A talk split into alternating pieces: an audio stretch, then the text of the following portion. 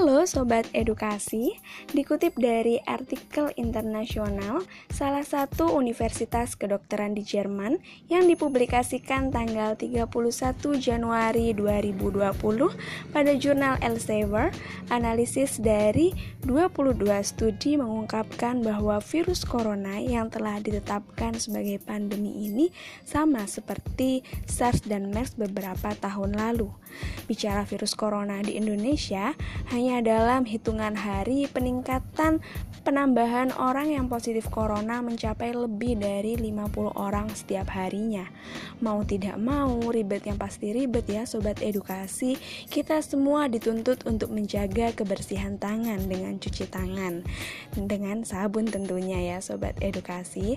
Nah, tetapi kebanyakan dari kita lebih mencari uh, suatu hal yang lebih mudah yakni dengan menyemprotkan hand sanitizer. Hand sanitizer yang mudah dibawa ke mana pun dan pengaplikasiannya yang mudah pasti menjadi pilihan utama sobat edukasi nih ya daripada harus cuci tangan. sobat edukasi sudah punya hand sanitizer kan? Harganya yang melejit tinggi di toko dan juga semakin menipisnya di pasaran membuat sobat edukasi dan juga mimin rumah yang notabene nakos jadi menjerit dan juga ingin membuat hand sanitizer secara mandiri. Yuk sobat edukasi, kita bikin hand sanitizer mandiri. Do it yourself hand sanitizer.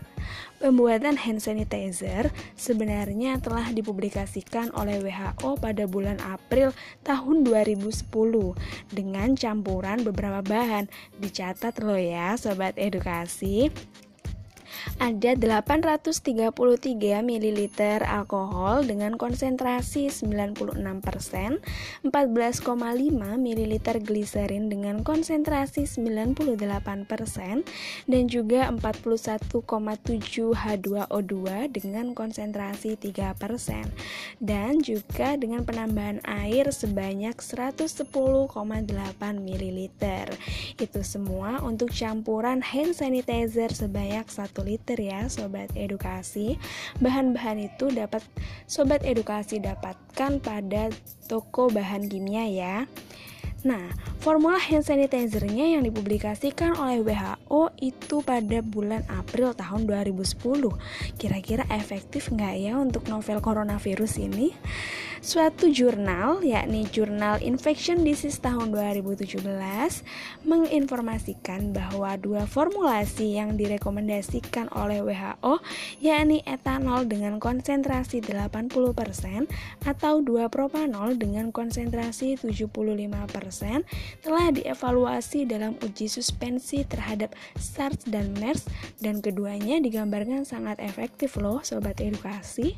Karena virus corona ini seperti SARS dan MERS, jadi formula etanol 80% dan 2 propanol 75% dinilai lebih efektif loh.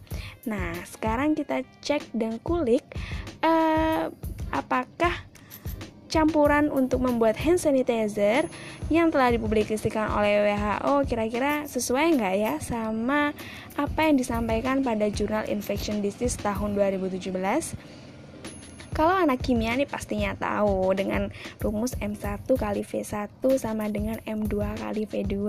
Nah, dengan perhitungan tersebut sobat edukasi akan mendapatkan konsentrasi alkohol dalam pembuatan hand sanitizer sebesar 79,9% nih.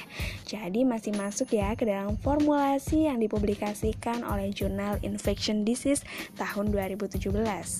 Tapi untuk sekarang kalau sobat edukasi tidak mendapatkan gliserin H2O2 dalam uh, toko-toko bahan kimia, maka sobat edukasi bisa membuatnya dengan cara membeli alkohol dengan konsentrasi 96% aja nih.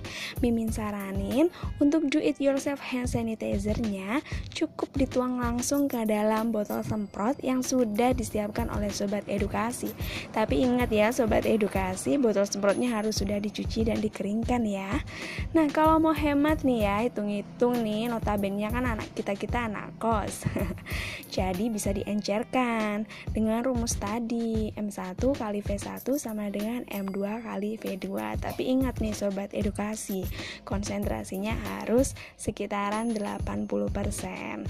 Jadi untuk uh, 50 ml alkohol dengan konsentrasi 96% bisa diencerkan menjadi 60 ml aja ya sobat edukasi dengan penambahan air sebesar sebanyak 10 ml.